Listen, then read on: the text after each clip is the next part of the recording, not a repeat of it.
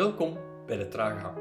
Vandaag een korte gedachte waar je lang op mag kouwen over Handelingen 1, vers 9 tot 11. Hemelvaart. Bizar en ongeloofwaardig voor de ene, voor de andere een bron van grappen en grollen. En toegegeven, het is ook bizar. Net als de opstanding trouwens. Wat staan jullie naar de hemel te kijken, lezen we in dit gedeelte. De discipelen bleven namelijk naar boven staren, naar waar, waar ze Jezus hebben zien verdwijnen. En twee engelen maken hen als het ware wakker. Waar staren jullie naar?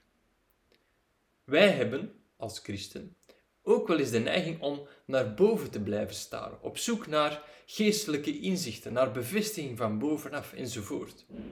En ik moest hierbij denken aan een verhaaltje van Plato dat ik een paar maanden geleden gebruikte in een column. Terwijl Thales de sterren aan het bestuderen was en naar boven keek, viel hij in een greppel. Een Thracisch dienstmeisje spotte met hem, omdat hij zo ijverig was om de dingen van de hemel te kennen, dat hij niet zag wat zich vlak voor zijn voeten bevond. Natuurlijk ben ik het ermee eens dat onze blik naar boven gericht mag zijn. Voor de ene betekent dat een focus op gebed of het beleven van liturgie. Voor de andere een overdenken en filosoferen. En voor nog een ander muziek, kunst of noem maar op. Dat is goed en nodig. Het is een onderdeel van onze geloofsbeleving. Maar we moeten ons ervan bewust zijn dat naar boven staren een comfortzone is. Het is veilig. Of beter, het lijkt veilig om je ogen enkel naar boven gericht te houden.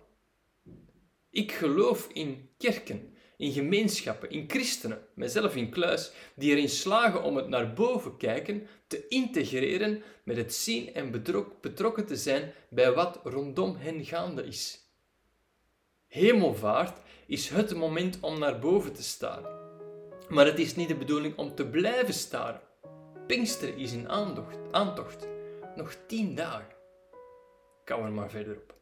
Smakelijk.